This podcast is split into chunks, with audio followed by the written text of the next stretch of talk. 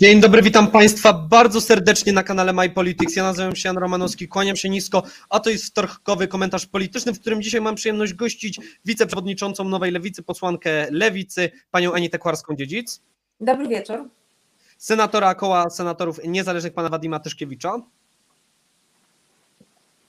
Y, nie słychać pana, panie senatorze. Nie wiem, czy, czy tutaj wcześniej mieliśmy problemów. Jakieś są problemy? Miejmy nadzieję, w międzyczasie spróbujemy je naprawić. Y, prezesa Ruchu Narodowego, posła Konfederacji pana Roberta Winnickiego Dobry wieczór Państwu. oraz posła Solidarnej Polski pana Tadeusza Cymańskiego. Dzień dobry. Dobry wieczór, witam serdecznie. Szanowni Państwo, klasycznie w komentarzu politycznym poruszymy dwa najważniejsze tematy, e, którymi dzisiaj będą w dzisiejszym komentarzu politycznym, mimo tego, że dzisiaj dużo się wydarzyło w polskiej polityce, obostrzenia, które będą wchodziły na terenie e, Rzeczypospolitej od dnia jutrzejszego oraz e, będziemy dalej rozmawiali o ministrze Mejzie i jego aferach. Przepraszam, Więc- mnie słychać? tak, słychać pana, panie senatorze, także teraz wszystko będzie dobrze, miejmy nadzieję. I przechodząc właśnie do pierwszego tematu, czyli do obostrzeń. E, Jakiś czas w mediach były informacje, opozycja się domagała wprowadzenia obostrzeń, e, rząd nie reagował, rząd nie wprowadzał tych obostrzeń. Minister Niedzielski mówił, że nie, nie ma potrzeby wprowadzenia obostrzeń, nawet w którymś z wywiadów powiedział, że doświadczenie pokazuje, że wprowadzenie obostrzeń jest wręcz nieefektywne. Natomiast wczoraj na konferencji prasowej przedstawił pakiet alertowy obostrzeń w związku z pojawieniem się nowego wariantu koronawirusa Omikronem, e, podczas którego między innymi e, został wydany zakaz lotów do siedmiu krajów e, Botswany, Eswatini, Lesoto, Mozambiku, Namibii, RPA oraz Zimbabwe. Osoby wracające z tych krajów będą miały wydłużoną kwarantannę do dni 14 e, bez możliwości zwolnienia testem. Dla krajów non-Schengen kwarantannę również wydłużoną do 14 dniach, choć tutaj po 8 dniach można się zwolnić z tej kwarantanny testem e, PCR. E, Ponadto w kraju e, wszystkie obiekty z limitem zapełniania do 75% zostaną zmniejszone do 50%. Dotyczy się to gastronomii, hoteli, instytucji kultury, kościołów, obiektów sportowych. Na weselach będzie mogło brać udział maksymalnie 100 osób, w wydarzeniach sportowych poza obiektami sportowymi 250. W siłowniach będzie obowiązywać zasada jednej osoby na 15 metrów kwadratowych. I tak jak wcześniej rząd zapowiadał, Ministerstwo Zdrowia zapowiadała, osoby zaszczepione nie będą uwzględniane w limitach wyczytanych przeze mnie przed chwilą. Także, Szanowni Państwo, pytanie jest takie, czy Państwa zdaniem te obostrzenia wprowadzone przez ministra Niedzielskiego, przez e, rząd polski są dobre, są adekwatne, czy dobrze, że zostały wprowadzone, czy może zostały wprowadzone zbyt późno? Jak pierwszy na tak postawione pytanie odpowie e, pan senator Wadim Tyszkiewicz, proszę bardzo. O, ja pierwszy. Więc moim zdaniem przede wszystkim za późno. E, Te obostrzenia były potrzebne, dlatego że jednak ta fala tego nowego wirusa się rozlewa po Europie i prędzej czy później dotrze do Polski. Okazuje się, że można wprowadzić obostrzenia, bo dysku- dy- dyskusja, myślę, że pan Wienicki w tej kwestii się wypowie, e, konstytucyjności e, obostrzeń czy segregacji, one były wielokrotnie podnoszone. Okazuje się, że można. Ja pamiętam, jak półtora roku temu wprowadzono obostrzenia, kiedy wprowadzono zakaz, zakaz wstępu do lasu, kiedy za, za chodzenie po ulicy z konstytucją w maseczce jedna z pań dostała 8 tysięcy złotych grzywnej, więc wtedy te obostrzenia były drastyczne, więc dzisiaj rząd odbija się od ściany do ściany. Były obostrzenia dramatyczne, które doprowadziły, doprowadziły do lockdownu, do no, dużych strat dla gospodarki. Dzisiaj mówimy, że gospodarka jest ważniejsza, że e, jednak ludzie no, umierają i chyba obieramy ten wariant białoruski według mnie, tak? nawet nie szwedzki, tylko białoruski.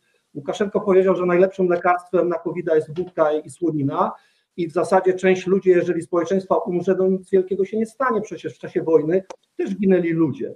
Więc w cywilizowanych krajach ułamek procenta ludzi, którzy y, umierają z powodu jakiejś choroby i ci ludzie, walczy się o życie tych ludzi, okazuje się, że bliżej nam do cywilizacji wschodu, czyli do Łukaszenki i mówienie, że tak naprawdę 540 osób dziennie zgonów, to jest nic strasznego, w zasadzie to jest sukces, tak, bo spadła liczba chorych, ale liczba, liczba osób umierających jest gigantyczna. E, Co tydzień wymiera nam małe miasteczko. A y, ja nie, nie chcę w tej chwili wyrokować, jakie działania powinny być podjęte, bo od tego jest rząd i oczywiście gdyby rząd zaprosił nas do rozmów, do, jako opozycję do dyskusji na ten temat, moglibyśmy o tym porozmawiać, ale dzisiaj rząd odbija się od ściany do ściany, jest zakładnikiem antyszczepionkowców i bardziej się kieruje słupkami poparcia niż dobrem narodu i społeczeństwa polskiego. Dziękuję. Dziękuję bardzo panie senatorze. Jako kolejna głos zabierze pani posłanka Anita Kwarska-Dziedzic. Proszę bardzo. No, przyszło mi się zgodzić z panem e, senatorem, że te rzeczywiście obostrzenia są zbyt późno, ale mm, ja e, dorzucę kamyczek do tego ogródka i trochę się powyzłośliwiam, bo informacja o tym, że wstrzymujemy loty z Bostwanu jest naprawdę kluczowa dla zapobieżenia e, śmierciom na, na COVID. E, Rzeczywiście ma ogromne znaczenie. Rozumiem, że tych lotów było po kilkanaście dziennie i tłumy ludzi przylatywały na z Bostwany. No to są, to są po prostu działania histeryczne. I ja jestem em, oburzona, osobiście jestem oburzona tym, że się wprowadza ograniczenia dla wszystkich, że cenę e, za nieudolność rządu do tej pory zapłacą przedsiębiorcy, czyli ci wszyscy, którzy w tej chwili będą musieli ograniczać jakość, dostępność swoich usług dla klientów, tylko dlatego, że rząd boi się pójść po rozum do głowy, posłuchać Rady Medycznej i wprowadzić rzeczywiście ograniczenia dla osób, które są niezaszczepione, czy dla osób, które nie mają paszportu covidowego, tudzież nie mają wyniku e, badania na, e, na COVID. To jest sytuacja, w której my tak naprawdę zainwestowaliśmy przez te, no już ten długi czas, tych e, kilkanaście miesięcy pandemii, zainwestowaliśmy jako państwo ogrom w darmowe testy dla wszystkich, w testowanie i w szczepionki. I jeżeli mamy gro społeczeństwa, które uznało, że jesteśmy istotami społecznymi, jesteśmy wzajemnie dla siebie, za siebie odpowiedzialni i że moja wolność do decydowania o sobie kończy się tam, gdzie zaczyna się wolność i życie innego człowieka, no to w tej chwili wszystkie obostrzenia powinny dotyczyć osób, które nie są istotami społecznymi i niespecjalnie je interesuje los ich bliźnich, sąsiadów, rodziny, czy zwyczajnie e, rodaków. W związku z tym postulowaliśmy obostrzenia dla osób, które są niezaszczepione i absolutny brak jakiegokolwiek lockdownu dla tych, którzy są w pełni zaszczepieni oraz, e, oraz są zdrowi. No niestety rząd boi się tej garstki antyszczepionkowców zarówno w Konfederacji, jak i u siebie w swoich szeregach pisowskich. No i nie jest w stanie pójść na tą wojnę z antyszczepionkowcami. No i będzie promował e, ten nienaukowe podejście do, do życia i do świata. I zapinał postawmy- rzeczywistość, już że jak tu będzie postawmy- połowa ludzi w kinie, to się nikt nie zarazi. Tu postawmy kropkę, pani posłanko, i tutaj już e, wywołany zarówno przez pana senatora, jak i przez panią posłankę e, prezes Robert Winnicki jako kolejny zabierze głos. Proszę bardzo. No proszę Państwa, no, się słucha tego, co Państwo tutaj opowiadają, tylko że to nie ma żadnego związku z faktami. Są jakieś dyrdymałki sprzed roku. E, Myśmy zwracali już rok temu uwagę na fakt, że skoro nie udało się wyeliminować grypy, takiej pospolitej grypy, która, którą sezonowo miliony ludzi też w Polsce choruje szczepionkami, e, to jest e, poważne ryzyko, że również COVID-a nie, nie uda wyeliminować szczepionkami. I oczywiście absurdalność założenia, że e, restrykcje powinny dotyczyć tylko niezaszczepionych, polega na tym, że wbrew temu, co mówiono rok temu, e, zaszczepienie nie likwiduje transmisji. Lockdowny w tej chwili wprowadzane są w państwach takich jak Irlandia, na terytoriach takich jak Gibraltar, gdzie są 93%, 99% zaszczepionej populacji. Więc po prostu to jest zupełny absurd, żeby segregować ludzi pod tym kątem. E, Nie tylko dlatego, że to jest bezprawne i niekonstytucyjne, ale również dlatego, że to po prostu nie działa, nie jest skuteczne. E, Te również obostrzenia, które pan Niedzielski wczoraj ogłosił, ogłosił je zresztą cztery dni po tym, kiedy 25 listopada mówił bodajże w RMF-ie, że y, polityka obostrzeniowa nie sprawdza się jako metoda zatrzymywania transmisji wirusa. No to mówił 25 listopada, a 29 listopada wyszedł na konferencję i ogłosił nowe obostrzenia. To jest absurd.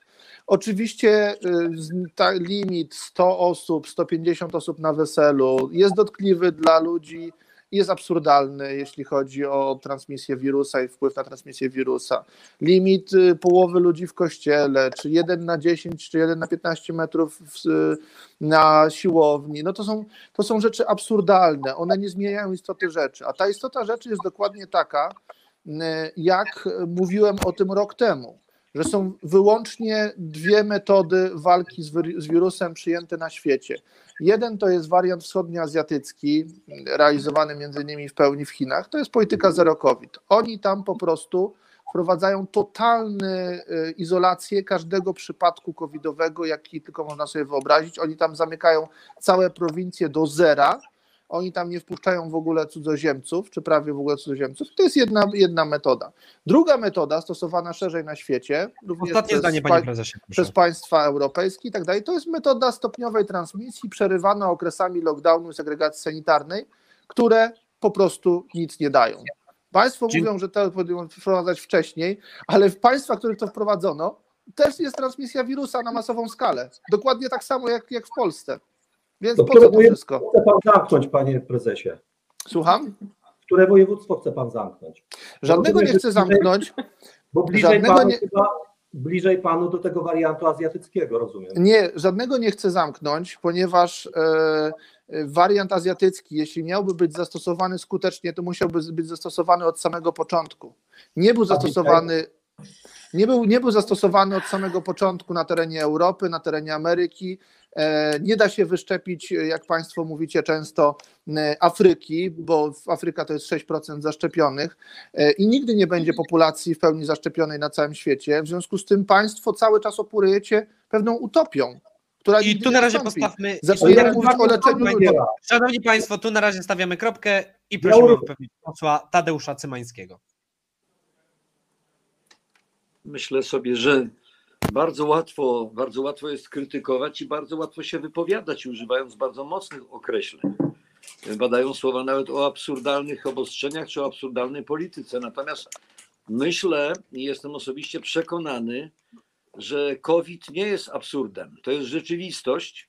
I tak na dobrą sprawę, to tak jak tutaj pani posłanka powiedziała, że sąd się od ściany do ściany, ale ja mam wrażenie, że świat cały, ten najbardziej rozwinięty, też się tak odbija o ściany do ściany, bo y, próbujemy różnych sposobów. Czas bardzo boleśnie weryfikuje. Teorie, nawet najwspanialsze, zawsze są weryfikowane przez empirię, przez doświadczenie, przez praktykę. No niestety, niestety rzeczywiście z perspektywy czasu wiele działań, nawet naszego rządu, można oceniać krytycznie. Sama szczepionka, która pierwotnie była naprawdę opiewana jako coś wspaniałego, rzeczywiście, moim zdaniem, i wielu, ona jest pomocą, jest ochroną, ale na pewno już dzisiaj mówimy nie taką, jak się spodziewano. E, Środowiska medyczne mówią tak, te- ten wi- wirus jest niezwykły, on mutuje, on się zmienia. I ta zabawa z tym wirusem, który nie powiedział, obawiam się jeszcze ostatniego słowa, jest jednak rzeczą niezwykle poważną i bardzo ciężko jest pogodzić oczekiwania wszystkich. Nie zgadzam się ze sformułowaniem, y, można mówić może mniejszość, ale na pewno nie garstka. Y, Grono osób, które są przeciwne obostrzeniom, grono osób, które nie wierzą w szczepionkę, nie są zaszczepione i nie chcą się zaszczepić. Wśród nich bardzo wielu ludzi, którzy budzą zdziwienie, wykształconych, mówią inteligentnych, myślących, nowoczesnych, a jednak nie. Więc y, teraz mówimy tutaj o sporze między poczuciem bezpieczeństwa, bo chyba wszyscy chcemy być bezpieczni, a również manifestem wolności. Bardzo mnie dziwi taka lekka opinia ze środowisk lewicowych, którzy ciągle mówią o praworządności, wolności, wolności, wolności, a chcą wprowadzać bardzo radykalne. Słyszałem, jeden z czołowych liderów lewicy proponuje nawet, że kto się nie zaszczepi, niech płaci za leczenie. Y, Niektórzy proponują. Ja jestem również do za tym. do tego dochodzi również. I w takiej sytuacji każdy rząd, niestety również obecny rząd, musi zajmować stanowisko, ale nikt się nie pali do tego. Natomiast bardzo łatwo, totalnie wszyscy krytykują. Ja, ja jestem gotowy przyjąć krytykę, y, myślę, że rząd również, y, ale mając świadomość, jak strasznie trudno jest podejmować decyzje, przecież dzisiaj mówimy o inflacji, że za dużo pieniędzy wydano dla przedsiębiorców, ale ci sami ludzie mówili rok temu, że za mało, za wolno, że trzeba szybciej, więcej dawać pieniędzy. Przecież naprawdę mamy dzisiaj internet, możemy wszystko sprawdzić. Coraz trudniej kłamać, bo żeby kłamać, trzeba mieć dobrą pamięć.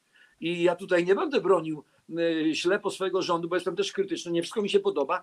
Chcę się też od razu określić, jestem zaszczepiony i jestem zwolennikiem y, działań, na przykład rodzice, którzy mają dziecko sobie nie życzą, żeby niezaszczepiona pani w przedszkolu tym dzieckiem się zajmowała. Czy to jest głos przeciwko wolności? No nie. Ludzie mają No i- też prawo do obrony. Nawet I tu postawmy na razie- gwarantuje, że byli w błędzie. Uszanujmy uszanujmy to, że mamy bardzo różne spojrzenia na te tematy i musimy szukać kompromisu. O to apeluję i tym słowem swoją wypowiedź na razie kończę. Y, Dziękuję bardzo i teraz właśnie czas na troszkę więcej dyskusji, na pytań. Pierwsze pytanie skieruję do pani posłanki Anity Kwarskiej-Dziedzic. Y, Wspomniała pani o tym, że powinien być lockdown dla osób niezaszczepionych, a dla osób niezaszczepionych y, nie powinno być lockdownu. Co już słyszymy o tym, że jedna, jed, je- jedne in- instytucje, które nie powinny być zamknięte, są szkoły i uczelnie. W takim razie, czy szkoły i uczelnie również powinny być y, zamknięte dla osób niezaszczepionych, dla uczniów niezaszczepionych, dla studentów niezaszczepionych, czy też akurat y, uczelnie i szkoły powinny być otwarte dla wszystkich, nieważne czy są zaszczepieni. Marszałek województwa zachodniopomorskiego wprowadził zasadę, że e, zdalnie mogą pracować ci urzędnicy, którzy są zaszczepieni. Niezaszczepieni nie wierzą w wirusa, nie boją się absolutnie, więc mogą przychodzić do pracy, bo przecież absolutnie nie będą się bali kontaktu z chorymi osobami, które będą obsługiwać jako urzędnicy. To było dosyć przewrotne, ale chyba poskutkowało, wysłowiło, jak naprawdę powinniśmy myśleć o, e, o kwestii zaszczepienia i niezaszczepienia. Lewica e, zakłada, że e, dla części zawodów, tych kluczowych dla funkcjonowania całego państwa i całego społeczeństwa, szczepienia powinny być obowiązkowe, więc myślę, że tam, gdzie się uczy, gdzie jest naukowe podejście do świata, gdzie e, e, wartości są naukowe, e, no to powinny być szczepienia obowiązkowe, czyli zarówno cała ochrona zdrowia, jak i edukacja, wszyscy pracownicy powinni przejść obowiązkowe szczepienia. Podobnie powinniśmy myśleć o, o tych, którzy e, mają kontakt z wieloma osobami, czyli transport, usługi, handel. I w tym momencie nie zamykamy e, w żaden sposób e, możliwości korzystania z tych e, działań państwa, ponieważ pracownicy obsługujący daną gałąź są oczywiście zaszczepieni i są bezpieczni. Absolutnie nie zamykamy szkół. Widzimy, jakie są potworne koszty psychologiczne dla dzieci i dla młodzieży, więc żadnego zamykania szkół, natomiast obowiązkowe szczepienia dla części zawodów tak. Dziękuję uprzejmie. E, Pytanie właśnie teraz kolejne do posła Cymańskiego. Tu padły te zarzuty też z ust e, niektórych z naszych gości, że Prawo i Sprawiedliwość bało się, rząd Prawa i Sprawiedliwości bało, e, bał się tak długo nie wprowadzać obostrzeń w związku z tym, że część elektoratu Prawa i Sprawiedliwości jest sceptycznie nastawiona do szczepionek, szczep- sceptycznie na- nastawiona do koronawirusa. Także panie pośle, czy sądzi pan, że, że pański rząd, rząd Zjednoczonej Prawicy faktycznie czekał z wprowadzeniem tych obostrzeń, aż te tak zwane słupki sondażowe będą wystarczająco dobre, bądź sytuacja będzie na tyle zła, że, te, su- że trzeba te słupki sondażowe zostawić. E, Panie pośle, jest pan wyciszony, więc e, nie słyszymy się. To bardzo, bardzo prymitywny i z gruntu bardzo też nieelegancki zarzut, bo bardzo łatwo jest komuś zarzucić rzecz straszną, bo gdyby ktoś ryzykował i życie ludzkie, i zdrowie wystawał na, wystawiał na szwank tylko i wyłącznie z pozycji słupków sondażowych, byłoby to rzeczywiście coś strasznego czy potwornego. Ale trzeba pamiętać o tym, że ta geografia, jak się dobrze każdy z nas nawet we własnym środowisku rozejrzy, to może sprawdzić i zobaczyć, ile osób ma negatywny w rodzinach, w sąsiedztwie. To nie jest taki prosty, prymitywny podział, że to jest monopol tylko i wyłącznie jednej grupy, że antyszczepionkowcy to konfederacja. To nieprawda. To nieprawda. Uważam, że y, wodę na młyn i wiatr w żagle tak zwani y, antyszczepionkowcy uzyskali przez jednak chłodną rzeczy, y, rzeczywistość. Proszę zwrócić uwagę, ani koncerny, które zbijają krocie, ogromne, gigantyczne zyski, nie przyjęły odpowiedzialności za niepożądany odczyn poszcze- poszczepienny, tak czy nie. Również my nawet z tym zwlekamy, bo jest trudno, trudno znaleźć dobre rozwiązanie, ale to wszystko sprawia i również to, że w krajach, gdzie był ogromny wskaźnik wyszczepialności, jednak mają problem i że chorują, a nawet umierają osoby zaszczepione, przecież to wszystko każe zastanawiać się ludziom. A dzisiaj w dobie internetu i powszechnej niewiary, i co najbardziej smutne dla mnie osobiście, tym się chcę podzielić, finalizując tą krótką część tej, tej dyskusji, mojej wypowiedzi, mianowicie nie ma niestety, niestety i nie tylko w tej sprawie, ale we wszystkich autorytetów. Nie ma autorytetów naukowych, autorytetów ludzi sztuki, autorytetów ludzi władzy, czy ludzi duchownych, ludzi, którym się wierzy. I dzisiaj ludzie nie ufają, są nieufni, nie wierzą, ryzykują, no ale mówią, cóż zrobić. Naprawdę dzisiejszy czas Ja mam swoje lata, ale ogromnie się zmieniła rzeczywistość, nad czym bardzo boleję i czytam niektóre wypowiedzi i włos mi się jeży. Y, Naprawdę. I bym apelował i prosił, żebyśmy wzajemnie też i po skrajnych stanowiskach będący ludzie się nie oskarżali. I tu postawmy, panie pośle, e, kropkę. Teraz e, kolejne pytanie do prezesa Winnickiego. Panie prezesie, e, Konfederacja sprzeciwia się ustawie Adama Niedzielskiego przygotowanej przez Ministerstwo Zdrowia w sprawie możliwości sprawdzania przez pracodawców to, czy, pracoda- czy pracownik jest zaszczepiony, czy nie. O ile to jest bardziej pytanie może do, do części wolnościowej, do partii Korwin, w, Konfederacji jednak jest, jest pan ważną częścią, Rady Liderów. Proszę mi wytłumaczyć jedną rzecz. Mówicie dużo o wolności gospodarczej, o wolności przedsiębiorcy. W związku z tym, dlaczego przedsiębiorca nie może sam decydować w, swoim, w swojej prywatnej firmie, czy będzie pracował z osobą zaszczepioną, czy niezaszczepioną wedle własnego upodobania? No, wolność dotyczy nie tylko przedsiębiorcy, ale i pracownika. Znaczy, I prawa, które gwarantuje konstytucja, e, które gwarantuje ustawa o RODO, ustawa o tajemnicy lekarskiej i tak dalej, no, nie dotyczą tylko pracodawców, tylko wszyscy obywatele są tymi prawami objęci, również i pracownicy, więc to jest e, moim zdaniem najprostsza odpowiedź.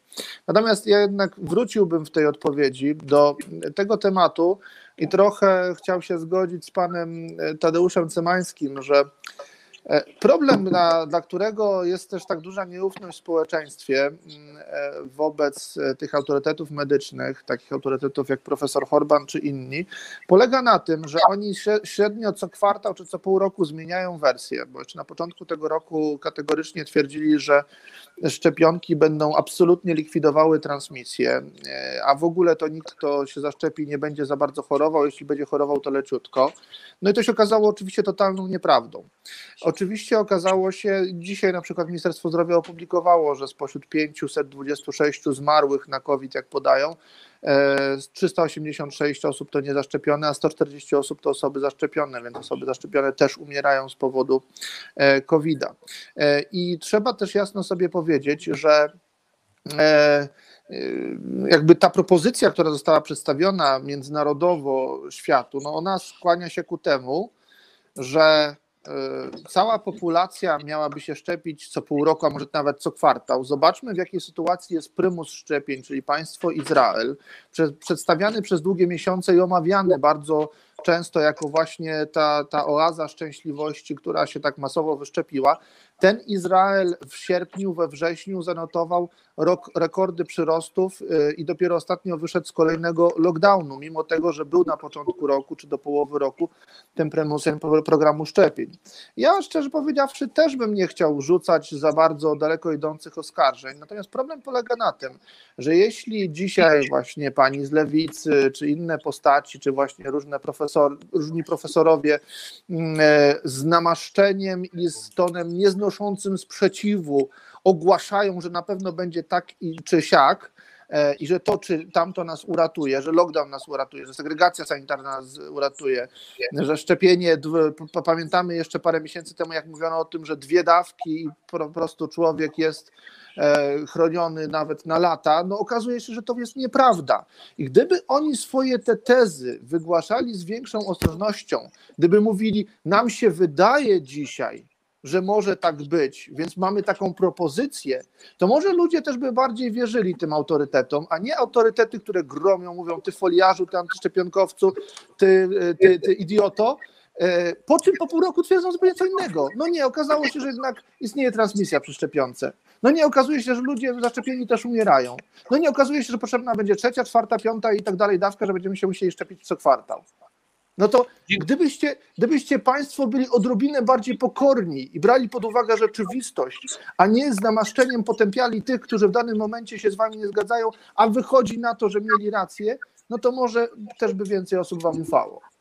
I tu postawmy kropkę, dziękuję uprzejmie. E, Aha, adwocem, proszę bardzo, proszę bardzo, panie pośle. A nawet dwa Je- adwocem, dobrze. Trzy od bo adwocem, trzy. dobrze, to zaczniemy od Cymańskiego. Wszyscy. nie mogę ulec pewnej pokusie. Otóż powiem tak do tych internautów naszych. Drodzy Państwo, powiedziałem o tych autorytetach, ale powiem tak, może troszeczkę prowokująco. Nie wierzcie politykom, mnie nie wierzcie, nie wierzcie panu Winnickiemu, pani poseł. No pan Tyszkiewicz może, niezależny może mówić bardziej swobodnie, ale jeżeli Ja mówię chce- swobodnie.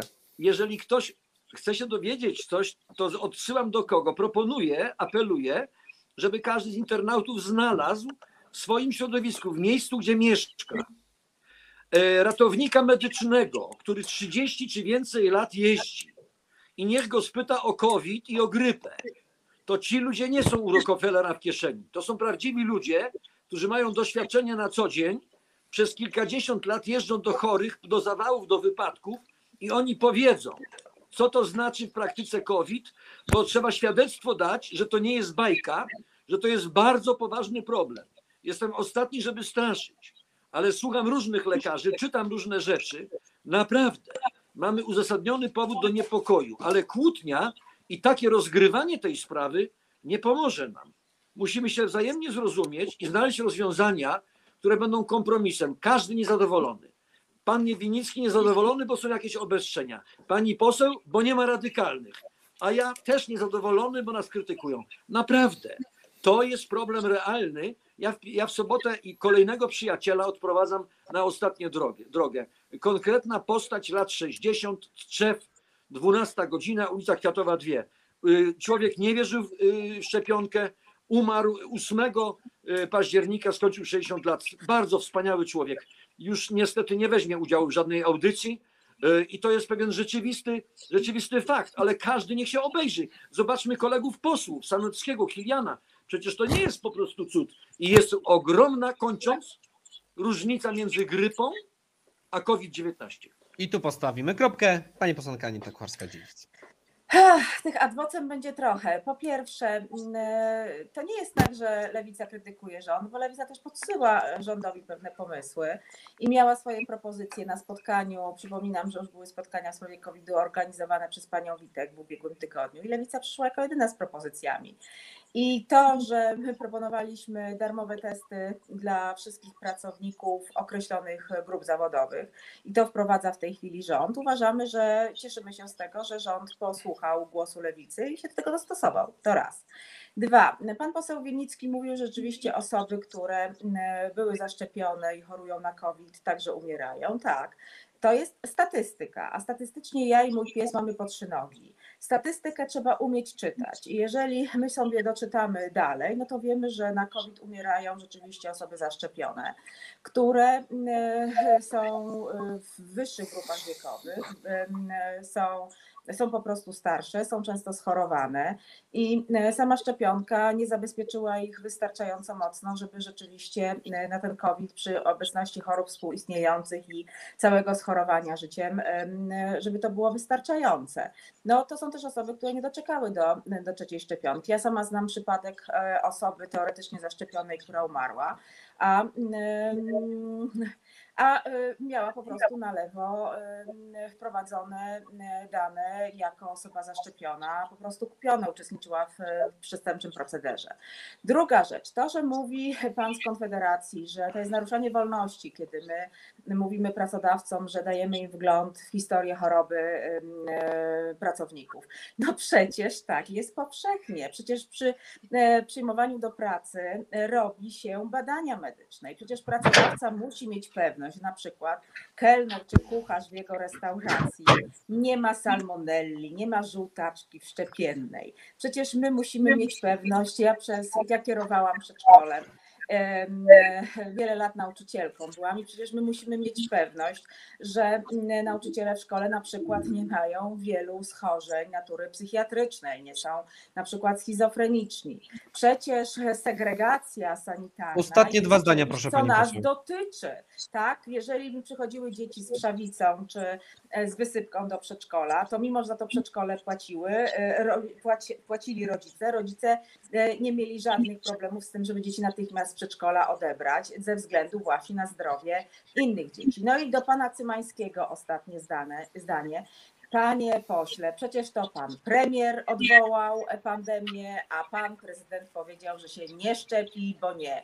I to są sytuacje, które będą w internecie nic nie ginie. I my to pamiętamy i będziemy pamiętać, że rzeczywiście na początku rząd I podchodził. tu bardzo stawiamy kropkę. Ostatnie ad vocem.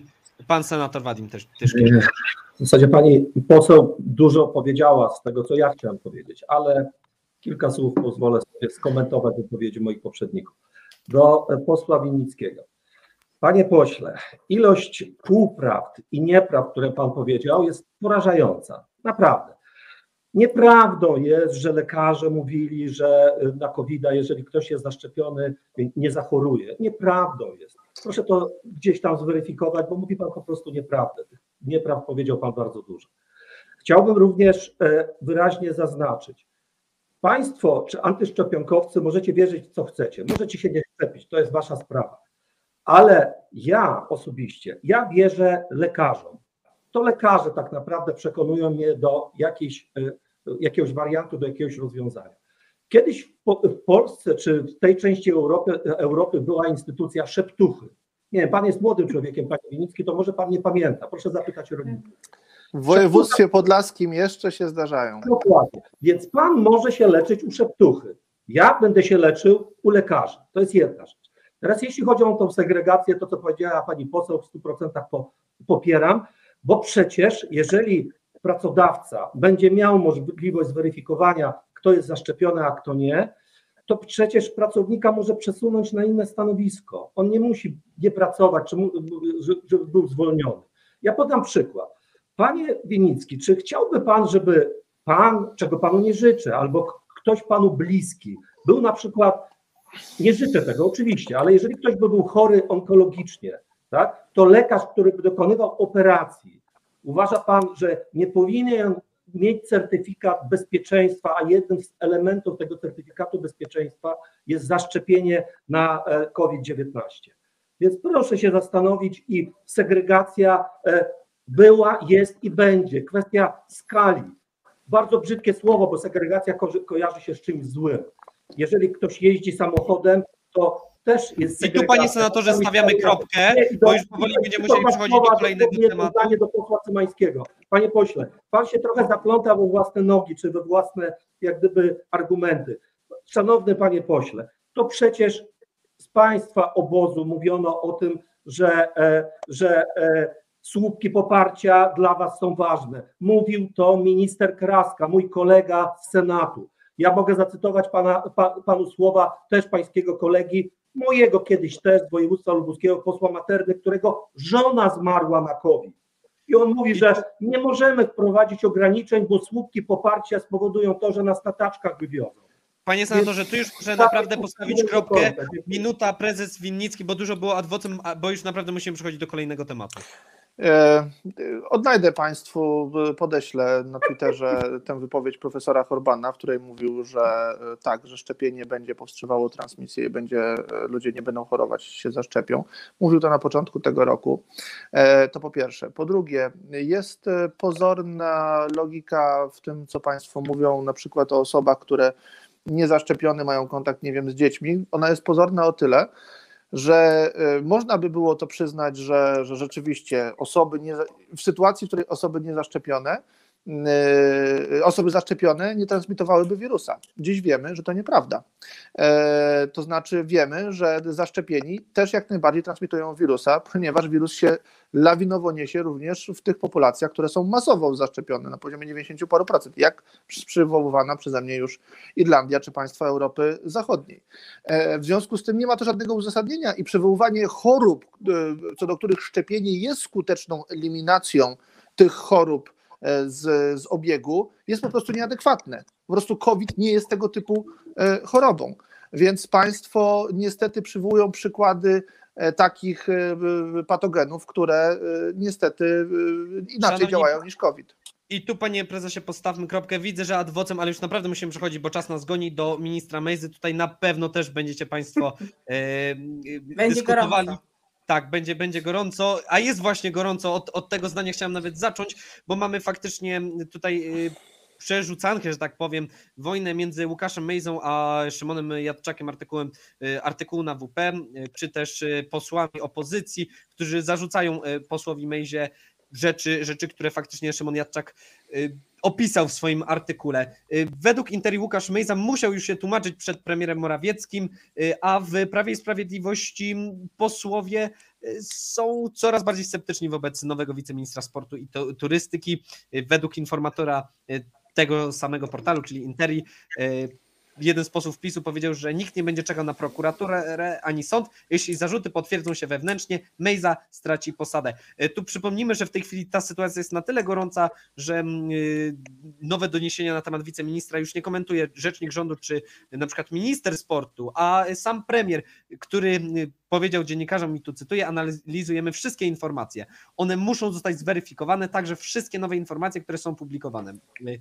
Proszę o cierpliwość, gdy zostaną one przeanali- przeanalizowane przez stosowne służby, dopiero wtedy mogą być podejmowane e, decyzje. E, Łukasz Mejza twierdzi, e, wedle informatorów znowu, e, że powiedział premierowi, że e, to jest zamach, to co się dzieje w tej chwili to jest zamach na większość rządową, e, że jeżeli on by zrezygnował z mandatu poselskiego, tak jak się domaga część opozycji, to wtedy również poseł Eichler zrobiłby to samo i wtedy do Sejmu wchodzi kandydat PSL oraz kandydat PO, kolejny z list wyborczych i wtedy opozycja zyska większość, Zjednoczona Prawica większość straci. Tu przypomnijmy, że to wszystko się zaczęło wiele miesięcy temu, od oświadczeń majątkowych w tej chwili jesteśmy w sytuacji, e, gdzie e, WP informuje, że Mejza założył w przeszłości firmę, która miała się specjalizować w, leczeniu nieuleczalnych chorób dzieci za bardzo duże pieniądze. E, Łukasz Mejza twierdzi, że napisał, przepraszam, powiedział w wywiadzie dla w polityce.pl, e, firma w rzeczywistości nigdy nie rozpoczęła działalności, ani ja, ani spółka nie zarobiliśmy nawet złotówki.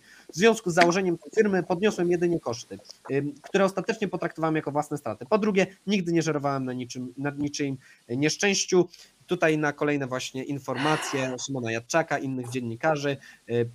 Wczoraj bodajże Łukasz Mej zam- zamieścił wpis na Facebooku i tu cytuję, między innymi powiedział, po raz kolejny opublikowali materiał, nie czekając na moje odpowiedzi, które zburzyłyby z góry założoną tezę. Y, Po raz kolejny zapowiedział postępowania sądowe, a mm, dziennikarze Ma- Mateusz Tajczak, y, Szymon Jadczak powiedzieli, że od 15, y, przepraszam, na Twitterze został zamieszczony wpis, y, że Łukasz Mejza od 15 listopada dostał od nas ponad 40 pytań. Odpowiedział na zero z nich, mógłby na przykład odpowiedzieć, dlaczego jego firma okłamywała ludzi, że leczy te wszystkie choroby. Nie zrobił tego, jako dziennikarze zrobiliśmy swoje. Reszta to polityka. Dzisiaj jeszcze rano dwie, dwie nowe informacje. Najpierw Cezary Tomczyk podał, że Łukasz Mejza przekonał mm, Zbigniewa Eichlera, żeby głosował zgodnie z większością y, rządową, z Prawem i Sprawiedliwością, aby dostał y, leczenie na Parkinsona, aby otrzymał właśnie leczenie na Parkinsona, y, od czego Zbigniew Eichler się później odciął, a Radio Zety podało, że dwóch posłów partii rządzącej stawia ultimatum władzom klubu. Albo dojdzie do dymisji Mejzy,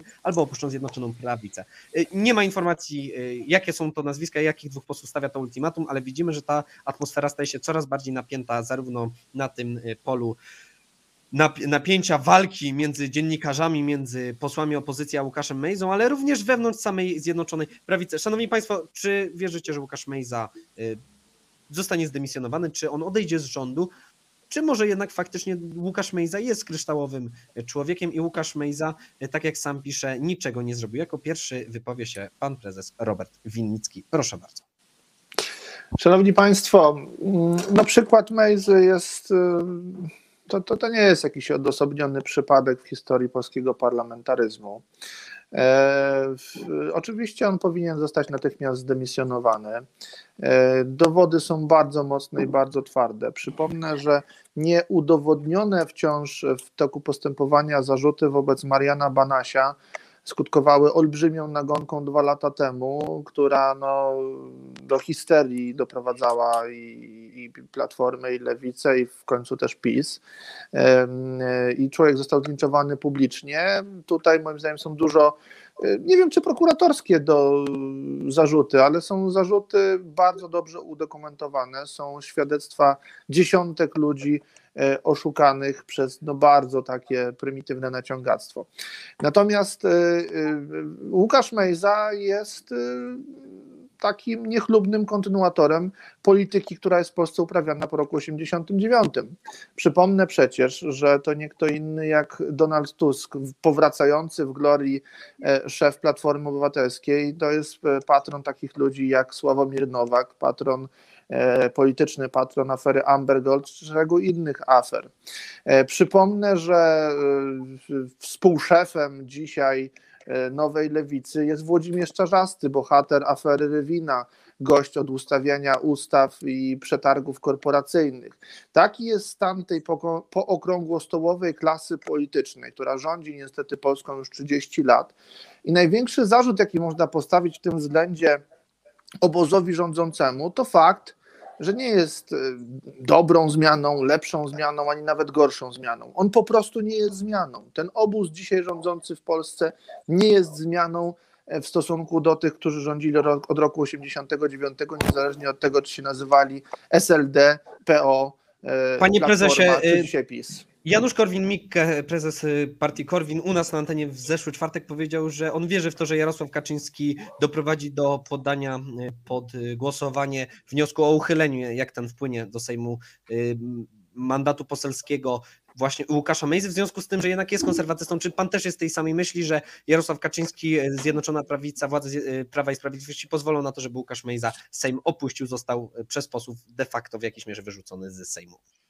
No to zależy, jak będą mieli większość, to dopuszczą, bo ja myślę, że Kaczyński być może jednak z pewnym odruchem obrzydzenia tę większość w taki sposób konstruuje. Mam nadzieję, liczę na to, chociaż to, co obserwuję przez ostatnich sześć lat, raczej y, tej nadziei mnie pozbawia. Natomiast jeśli nie będą w stanie uciułać tej większości, to Mejzy będą bronić. Y, Będzie on, on dołączy do, do wąsaczów, do czarzastych, do Tusków i innych patronów różnych y, drobnych czy większych geszeftów, y, którymi nasączona jest klasa polityczna trzeciej RP. I jako kolejny głos zabierze pan poseł Tadeusz Cymański. Proszę bardzo, panie pośle. To znaczy słuchałem z uwagą, y, jest kamera y, też. Y, Z uwagą słyszałem wypowiedź pana posła przed chwilą. Rzeczywiście znamienny pewien szczegół. Poseł powiedział, nie wiem, czy to są zarzuty prokuratorskie. Y, Ja mam niezmienną zasadę, od, jestem w Sejmie ponad 20, już c- będzie 4 lata, ale zawsze trzymałem się takiej doktryny, powiem, Dostojewskiego. E, Lepiej y, 99 winnych uniewinnić, niż skazać jednego niewinnego. Proszę mnie dobrze zrozumieć. Absolutnie nie bronię e, pana posła Mejzy. Powiedziałem dzisiaj do kamery jednej ze stacji, że jeśli to, co jest powiedziane, jest prawdą, to nie jest złe. To jest odrażające. Bo żerowanie i wykorzystywanie nieszczęścia musi budzić nie tylko sprzeciw, ale odrazę. I to chyba tutaj nikt nie ma wątpliwości. Y, Rzeczywiście. Natomiast zasady, które są w praktyce politycznej stosowane, ja widziałem już nie jedno, y, przyjmuję z pewnym rzeczywiście niedowierzaniem i tu bym się zgodził. Bo proszę pamiętać o jednej ważnej zasadzie, że w majestacie prawa, nie łamiąc kodeksu karnego, można czynić rzeczy odrażające również. Bo jeszcze jest ocena etyczna, moralna, a ta często w życiu ma nawet większe znaczenie niż suchy karny paragraf. I to wszystko jest przed nami. Wierzę też bardzo mocno w to, że jeżeli, i mam nadzieję, że w szybkim czasie, ta weryfikacja tych doniesień, tych informacji, które muszą być zweryfikowane, potwierdzi się, to los pana posła y, Mejzy będzie przesądzony i funkcje, które pełni. Natomiast jeszcze pozbawienie mandatu to jest kwestia immunitetu i poddania go pod, pod osąd sądu. Pamiętajmy, że mandat jest czymś bardzo mocnym w Polsce i demokracja w Polsce, jak byśmy jej nie oceniali, jednak jeszcze jest. To taki głosik do tych, którzy mówią o dyktaturze, autokracji i o faszyzmie. E, Proszę sobie z tego zdać sprawę i apeluję, żeby ważyć słowa. To konkluzja mojego wystąpienia w tym momencie. Dziękuję uprzejmie, panie pośle. Y, W takim razie jako kolejny głos zabierze pan senator Wadim Tyszkiewicz. Proszę bardzo. Szanowni Państwo, na temat Łukasza Mejzy mógłbym mówić godzinami. Dzisiaj mamy taką sytuację, że codziennie pojawia się jakaś nowa rewelacja, czyli za posłem Mejzą ciągnie się gigantyczny smród i w części wypowiedzi mogę się zgodzić z panem Cymańskim, że rzeczywiście te względy moralne powinny już e, skutkować tym, że ten człowiek już powinien być dawno odwołany z funkcji minimi, y, y, wiceministra, bo dzisiaj on jest twarzą Zjednoczonej Prawicy. To jest twarz, którą ma pan też, panie Cymański. No niestety, przykro mi bardzo. Te względy moralne powinny już spowodować to, że tego człowieka już nie powinno być. E, Ja e, trochę, znaczy nie współczuję Państwu, ale tak naprawdę, e, Panie pośle Cymański, PSL Wam podrzucił kukułcze jajo, śmierdzące na dodatek. Ja może przy kolejnej wypowiedzi może odpowie Pan Winicki na pytanie, czy Pan poseł Mejza był u Was, bo on prawie był w każdej partii. Mnie osobiście prosił, żeby załatwić mu mie- miejsce na listach Platformy Obywatelskiej. On był prawie wszędzie, żeby tylko e, dorwać się do koryta, krótko mówiąc. Też jest niegodziwe trochę, panie pośle Winnicki, żeby dzisiaj wywoływać Tuska, mówić o Nowaku. Proszę sobie przypomnieć, tak naprawdę za zegarek Nowak został odwołany, czy za takie e, powiedzmy zarzuty, które pod jego kierunkiem były adresowane, bo to, co się w tej chwili dzieje z Nowakiem, to jest coś, co było poza rządem. Mówi pan o aferze Amber Gold, ale zapomina pan powiedzmy o get- o getbacku. Ale za mało czasu, żeby na ten temat dzisiaj e, dyskutować i długo o tym mówić. Proszę państwa, Trzeba pamiętać o tym, że tych spraw związanych z Mejzą jest wiele. To nie jest tylko i wyłącznie sprawa związana z żerowaniem na, e, na chorych dzieciach. Ja tylko przypomnę, w Gorzowie Wielkopolskim został wydany prawomocny wyrok na posła Mejzę za to, że łamał kodeks wyborczy. 50 tysięcy złotych ten człowiek ma do zapłacenia. Mejza przegrał proces, przepraszam, e, w Zielonej Górze jest skierowane doniesienie związane z, e, z, po pierwsze z obrażaniem e, radnych Sejmiku Województwa Lubuskiego i e, tutaj e, już jest prawomocny wyrok. Jest skierowane doniesienie do prokuratury związane z e, pieniędzmi, około milionem złotych, które trafiły do spółki e, posła Mejzy w bardzo niejasnych okolicznościach, czyli e, e, radny Sejmiku dostaje pośrednio przez bony, nie będę teraz tego tłumaczył, dofinansowanie na poziomie miliona złotych. Kupuje sobie platformę do szkoleń, prowadzi szkolenia, które bu- budzą ogromne wątpliwości, dostaje gigantyczne pieniądze. Oświadczenie majątkowe, przypomnę, maseczki, tak? Nie będę tego rozwijał, bo jest za mało czasu. Tego jest całe mnóstwo. Przypomnę tylko, że to jest ile on jest, pół roku posłem, dostał stanowisko tylko dlatego, że normy moralne w PiSie nie obowiązują. Pan prezes Kaczyński jest hipokrytą. I Dlatego, tu na razie postawmy kropkę. ale, ale moment, jeszcze chwileczkę. Y, Mógłby pan, jedna prośba tylko y, do prowadzącego. Czy mógłby pan pokazać dokument, który zamieściłem tutaj? W, mogli tak proszę, ale w- trzech zdaniach, panie senatorze. Mogli Państwo spojrzeć na tą fakturę proforma wystawioną przez fir- firmę Vinci Neo, Neo, Neo Clinic. Możecie Państwo spojrzeć. Możecie Państwo spojrzeć na kwotę 170 tysięcy dolarów. Wystawiona faktura proforma na pole. Na pole nazwiska nie wymienię, żeby chronić dane osobowe, bo tutaj są zakryte. Z adresem, z danymi dotycz- dotyczącymi e, jej przebiegu całej choroby, rachunek proforma, z kontem do zapłaty. Na szczęście nie udało się tych pieniędzy uzbierać, na szczęście to jest paradoks, te pieniądze zostały, nie zostały przelane. I na koniec, proszę Państwa, tłumaczenie, że on nie zarobił na tym chorym biznesie, to już go usprawiedliwia? Jeżeli bandyta, złodziej napada na sklep i próbuje go okraść, a jemu się to nie udało, to powinien, powinno przeciwko niemu być prowadzone I postępowanie. stawiamy prokuratorstwo kropkę, i panie senatorze. Do, pudła.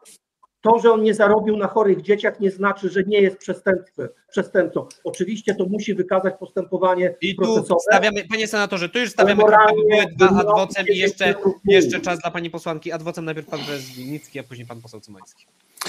Panie, e, panie senatorze, nie, nigdy Mejza nie miał z nami nic wspólnego, e, nie był Nie związany z, z Konfederacją.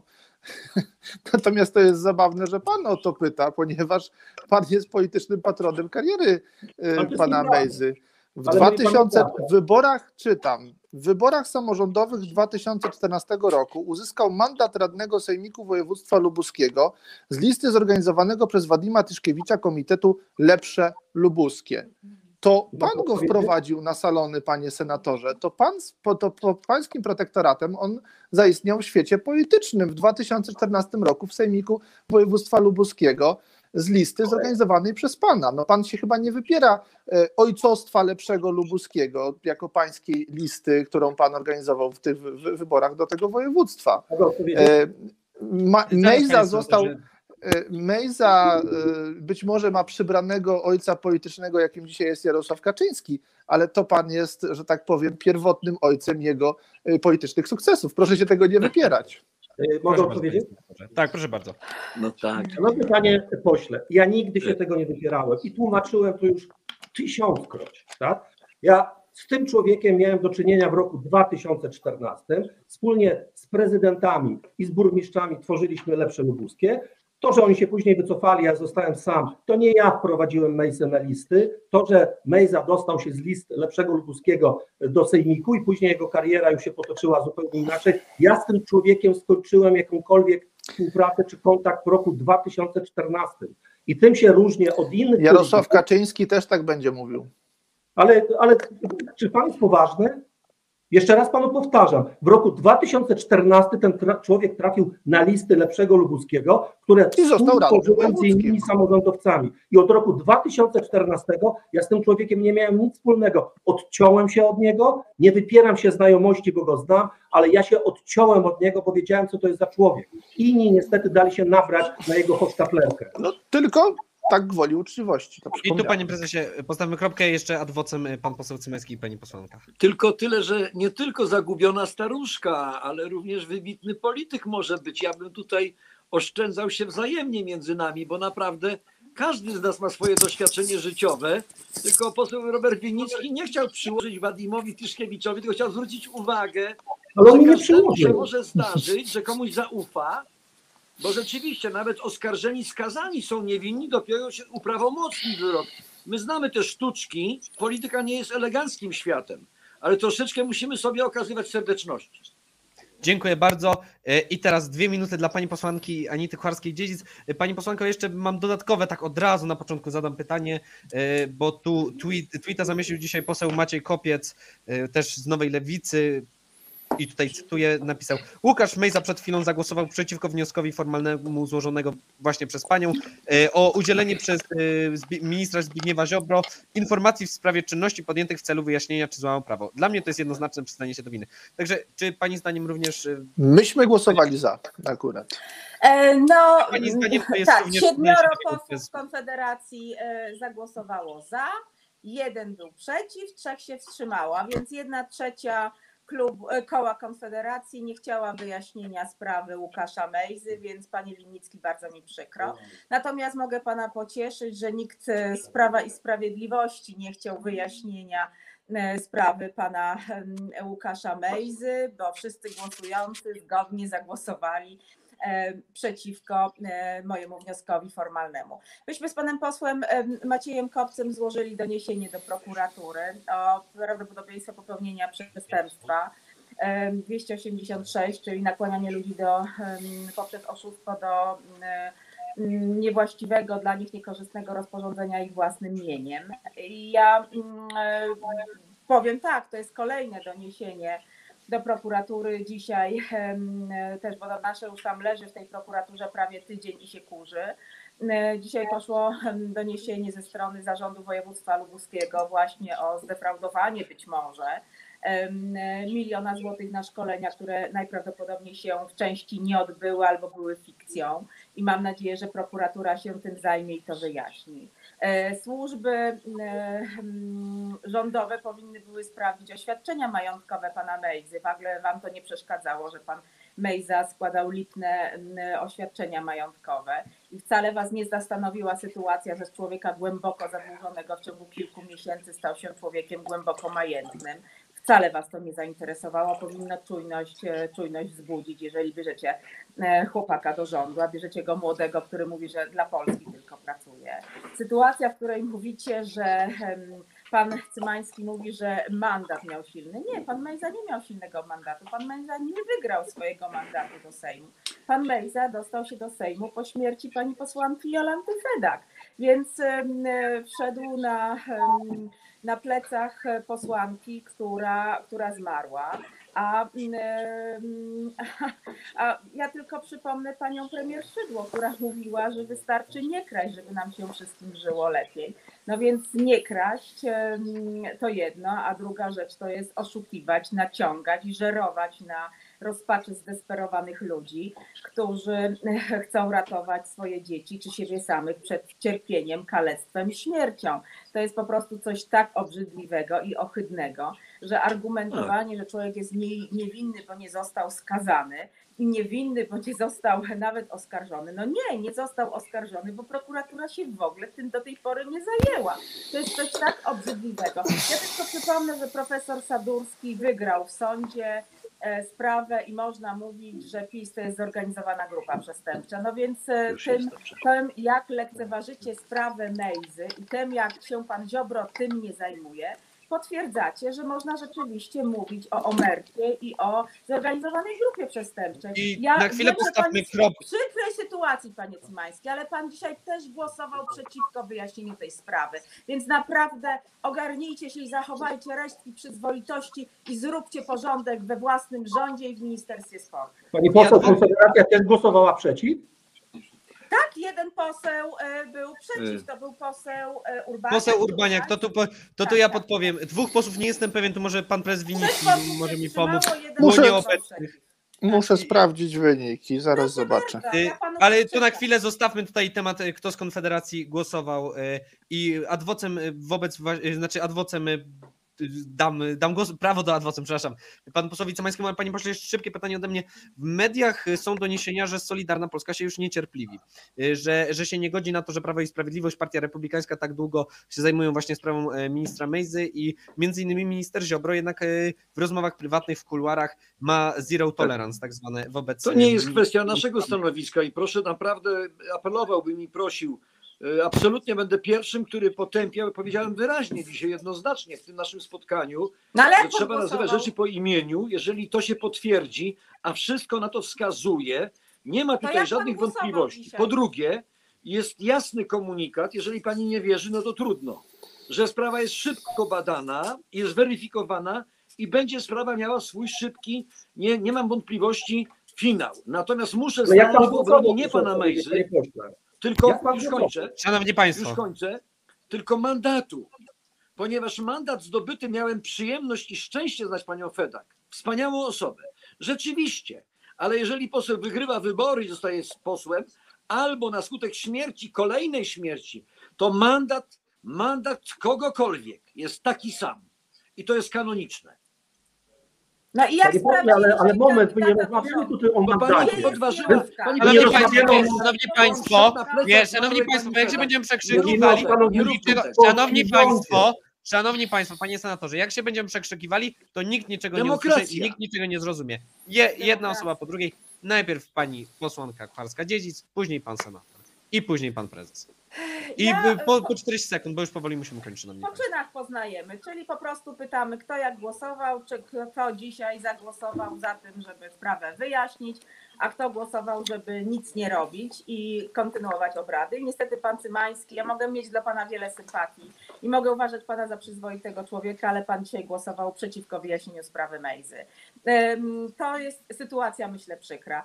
I e, ja apeluję, żebyśmy naprawdę wyszli z tego bagna, bo to nie jest demokracja, tylko to jest ochlokracja, jeżeli rządzi nami oszołomiony, zdemoralizowany tłum różnych polityków, którzy zwyczajnie nie mają krztyny uczciwości, a prokuratura nie chce się tym zająć. Prokuratorzy śledzą na Facebooku, Instagramie polskie aktorki, a nie są w stanie sprawdzić oświadczenia majątkowego, nie są w stanie sprawdzić doniesień prasowych, które są, mają już tydzień.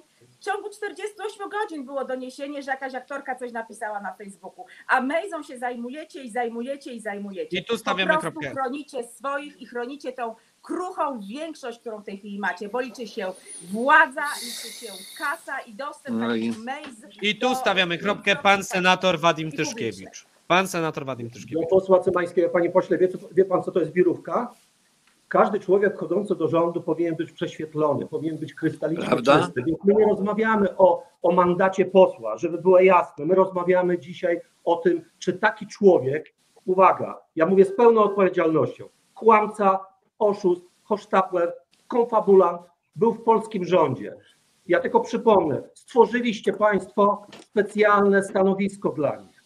E, Steward z, mecz, z meczów koszykówki za stalu zostaje steward, który rozsadzał ludzi na widowni, zostaje wiceministrem sportu. Stworzyliście specjalne stanowiska dla ludzi po to, żeby mieć większość. Czy pan jest człowiekiem przyzwoitym? Nie wątpię w to, ale jest pan hipokrytą, panie pośle. Dlatego, że pan senatorze. jedno, robi pan drugie. Ostatni moment, przed chwilą, przed chwilą wygooglowałem. Wspólnik Łukasza Mejzy oskarżony o przywłaszczenie około 400 tysięcy złotych. Codziennie jest smród, codziennie, a wy dalej trwacie przy, przy władzy za wszelką cenę. Jesteście państwo hipokrytami. Tyle. Dziękuję bardzo. I pan prezes e, Robert Winnicki. Wymieniłem SMS-y z posłem Urbaniakiem. Rzeczywiście on i ci koledzy, którzy siedzieli bardziej z tyłu, nie usłyszeli dokładnie, co, o co był wniosek i się pomylili. E, no, cookies. nie, nie, nie jak Kukiz. Większość koła zagłosowała za, zresztą to nie miało specjalnie znaczenia, bo i tak PiS by ten wniosek odrzucił.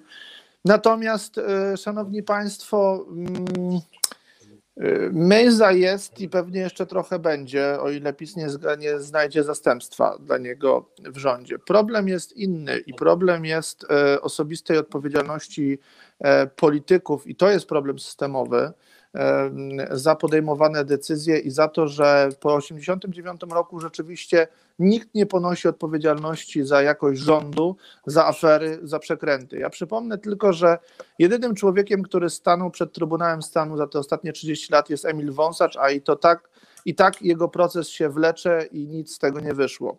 E, Polskie życie publiczne jest skażone aferami, jest skażone e, układami. E, I cóż, e, można powiedzieć tylko jedno w tym kontekście. Trzeba odsunąć tę aferalną klasę, której symbolem jest nie tylko Mejza, nie tylko Czarzasty, ale i właśnie patron przekrętów platformerskich Tusk od władzy. To jest, to jest po prostu to jest po prostu i również, panie senatorze, widzę, że jednak e, pan jako patron polityczny kariery Łukasza Mejzy, e, gojący e, patrona afery politycznej, takie jak Amber. Gold, Tuska. Panowie, panowie, już o tym było. Musimy Należy do tej klasy politycznej. Należy do tej klasy Stawiamy politycznej. Dwa zdania, dwa zdania- panie senatorze, dwa zdania pani posłanka, dwa zdania pan poseł Cymański.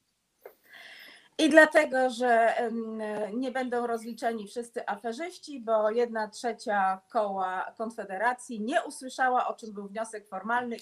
Wy zgłaszacie tak absurdalne wnioski, że z przyzwyczajenia e, niektórzy głosują Naprawdę. przeciw albo się wstrzymują. Nie, nie kpijcie w żywe oczy. Po prostu w jakiś sposób. Nie kpię. Wy naprawdę e, najczęściej będziecie zgłaszacie absurdalne wnioski. No więc ja czekam na wasze oświadczenia, że się pomyliliście i chcieliście głosować za. Takie oświadczenie do laski marszałkowskiej można złożyć do końca obrad. Więc macie jeszcze Oczywiście. dwa dni na to, żeby się przyznać, że, po, że czterech waszych posłów się pomyliło i zagłosowało nie tak, jakby mieli życzenie, bo jesteście radykalnymi no. zwolennikami rozliczania I tu stawiamy kropkę, poseł Cymański.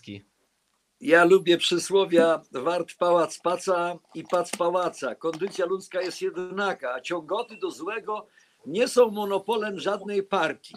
Bo jak słucham tutaj, że ta partia, ta partia, ta, że odsunąć, to myślę, że tylko jedna partia jest uosobieniem niewinności i oazą spokoju. Nie bądźmy naiwniakami, miejmy odwagę przyznać, że afery nie są monopolem i nie są zawłaszczone. Mówiłem często i powtórzę dzisiaj.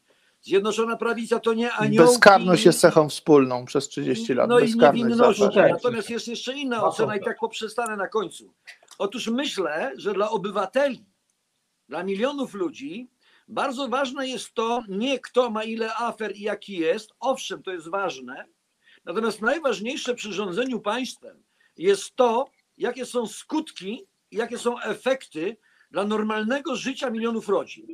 To jest No więc dzieci nadal Szanowni nie mają państwo, nie, leczenia, pani posłanko, już niestety, tu stawiamy kropkę. Tu stawiamy kropkę. Proszę państwa, proszę Mówimy, państwa. Takie są efekty waszych rządów. Pani, poseł, tu stawiamy kropkę. Szanowni państwo, szanowni państwo, już musimy, tutaj musimy postawić kropkę, tutaj musimy skończyć, bo Nowy ja program niech pan otworzy. No. Jeden nie zapo... Bo i tak przedłużę, mam nadzieję, że moi goście na mnie nie obrażą, że jeszcze o półtorej minuty przedłużę, bo Odeszli jeden niezapowiedziany temat. Po trzy zdania chciałbym od Państwa wyciągnąć na ten temat. Wczoraj gala rozdania Złotej Piłki Robert Lewandowski niestety nie wygrał. W dwóch zdaniach, czy Państwo chcieliby się jakoś odnieść, poseł Cymański? Bez słów w polityce, w życiu światem rządzą pieniądze. Skrzywdzono Roberta. Może nie jest takim dryblerem jak Messi, ale uważam, że przy takiej skuteczności naprawdę ta piłka mu się należała. Oszukano Senator. Tysz... Senator Tyszkiewicz. Robert Lewandowski jest świetnym piłkarzem, ale też mądrym człowiekiem i wczorajsze jego zachowanie, reakcja tego dowodzą. Też uważam, że został skrzywdzony, uważam, że powinien jednak zdobyć tą złotą piłkę, szczególnie po ubiegłym roku, kiedy nie było tej złotej piłki przyznawanej, ale mam nadzieję, że w kolejnym sezonie czy w kolejnych sezonach e, nasz najlepszy piłkarz Polski i najlepszy piłkarz świata jeszcze raz udowodni, że rzeczywiście jest najlepszy. Pokazał Posłuch- klasę, uczmy się od niego. Ale Posłanka, tylko w sporcie, ale też e, w zachowaniu swoim. Wczoraj byłem z niego Tak. posłanka Kucharska-Dziedzic. Ja przypomnę, że firma pana Mejzy obiecywała jednemu głęboko niepełnosprawnemu dziecku, że jak wpłaci 80 tysięcy dolców, to będzie jeszcze. 170 tysięcy, Tyle. 170. Tak. 170. Czyli rozumiem, że bez Tak, tej, że będzie pan, biegało. pan poseł Winnicki 170. o, o Robercie Lewandowskim, bo już zakończyliśmy temat ministra Mejzy. Robert Lewandowski e, pokazuje e, całemu światu, że można nie tylko być świetnym sportowcem, ale można być też człowiekiem, który ma niesamowitą klasę i pomimo tego, że moim Brawo. zdaniem ze względów pozamerytorycznych, pozasportowych e, Tak jest. jest w ten sposób w jakimś sensie dyskryminowany, że się umie zachować bardzo na poziomie. Naprawdę możemy być dumni z naszego rodaka. Szanowni Państwo, myślę, że mogę powiedzieć, że dobrze, że jednak są sytuacje, które Polaków mogą jednoczyć, tak jak wczoraj wieczorem widzieliśmy, sprawa Roberta Lewandowskiego Polaków nie podzieliła, a właśnie połączyła i kłótni na Twitterze, na Facebooku i innych mediach społecznościowych nie było. Także tym pozytywnym akcentem zakończmy dzisiejszy komentarz polityczny. Moimi Państwa gośćmi byli pani posłanka Anita Kłorska-Dziedzic, Nowa Lewica, Dobranoc. Pan senator Wadim Tyszkiewicz, senator y, koła senatorów niezrzeszonych, Dobranoc, ja tylko czekam, kiedy pan poseł Winnicki y, wejdzie w koalicję z PiSem i rozliczy PiS za y, wszystkie afery. poseł. Tadeusz Smoleński, Solidarna Polska. Serdecznie Będzie dziękuję, pan za, czekał, dziękuję za panie zaproszenie senatorze. i pozdrawiam wszystkich. oraz pan prezes Robert Winnicki, Ruch Narodowy Konfederacja. Czekam na to, kiedy będę mógł rozliczyć klasę okrągłostołową, a raczej nie czekam, tylko pracuję. Dobry, dobrej nocy Państwu. Dziękuję. Państwu bardzo. Ja nazywam się Jan Romanowski. Życzę miłego wieczoru. Kłaniam się nisko. Do widzenia. Do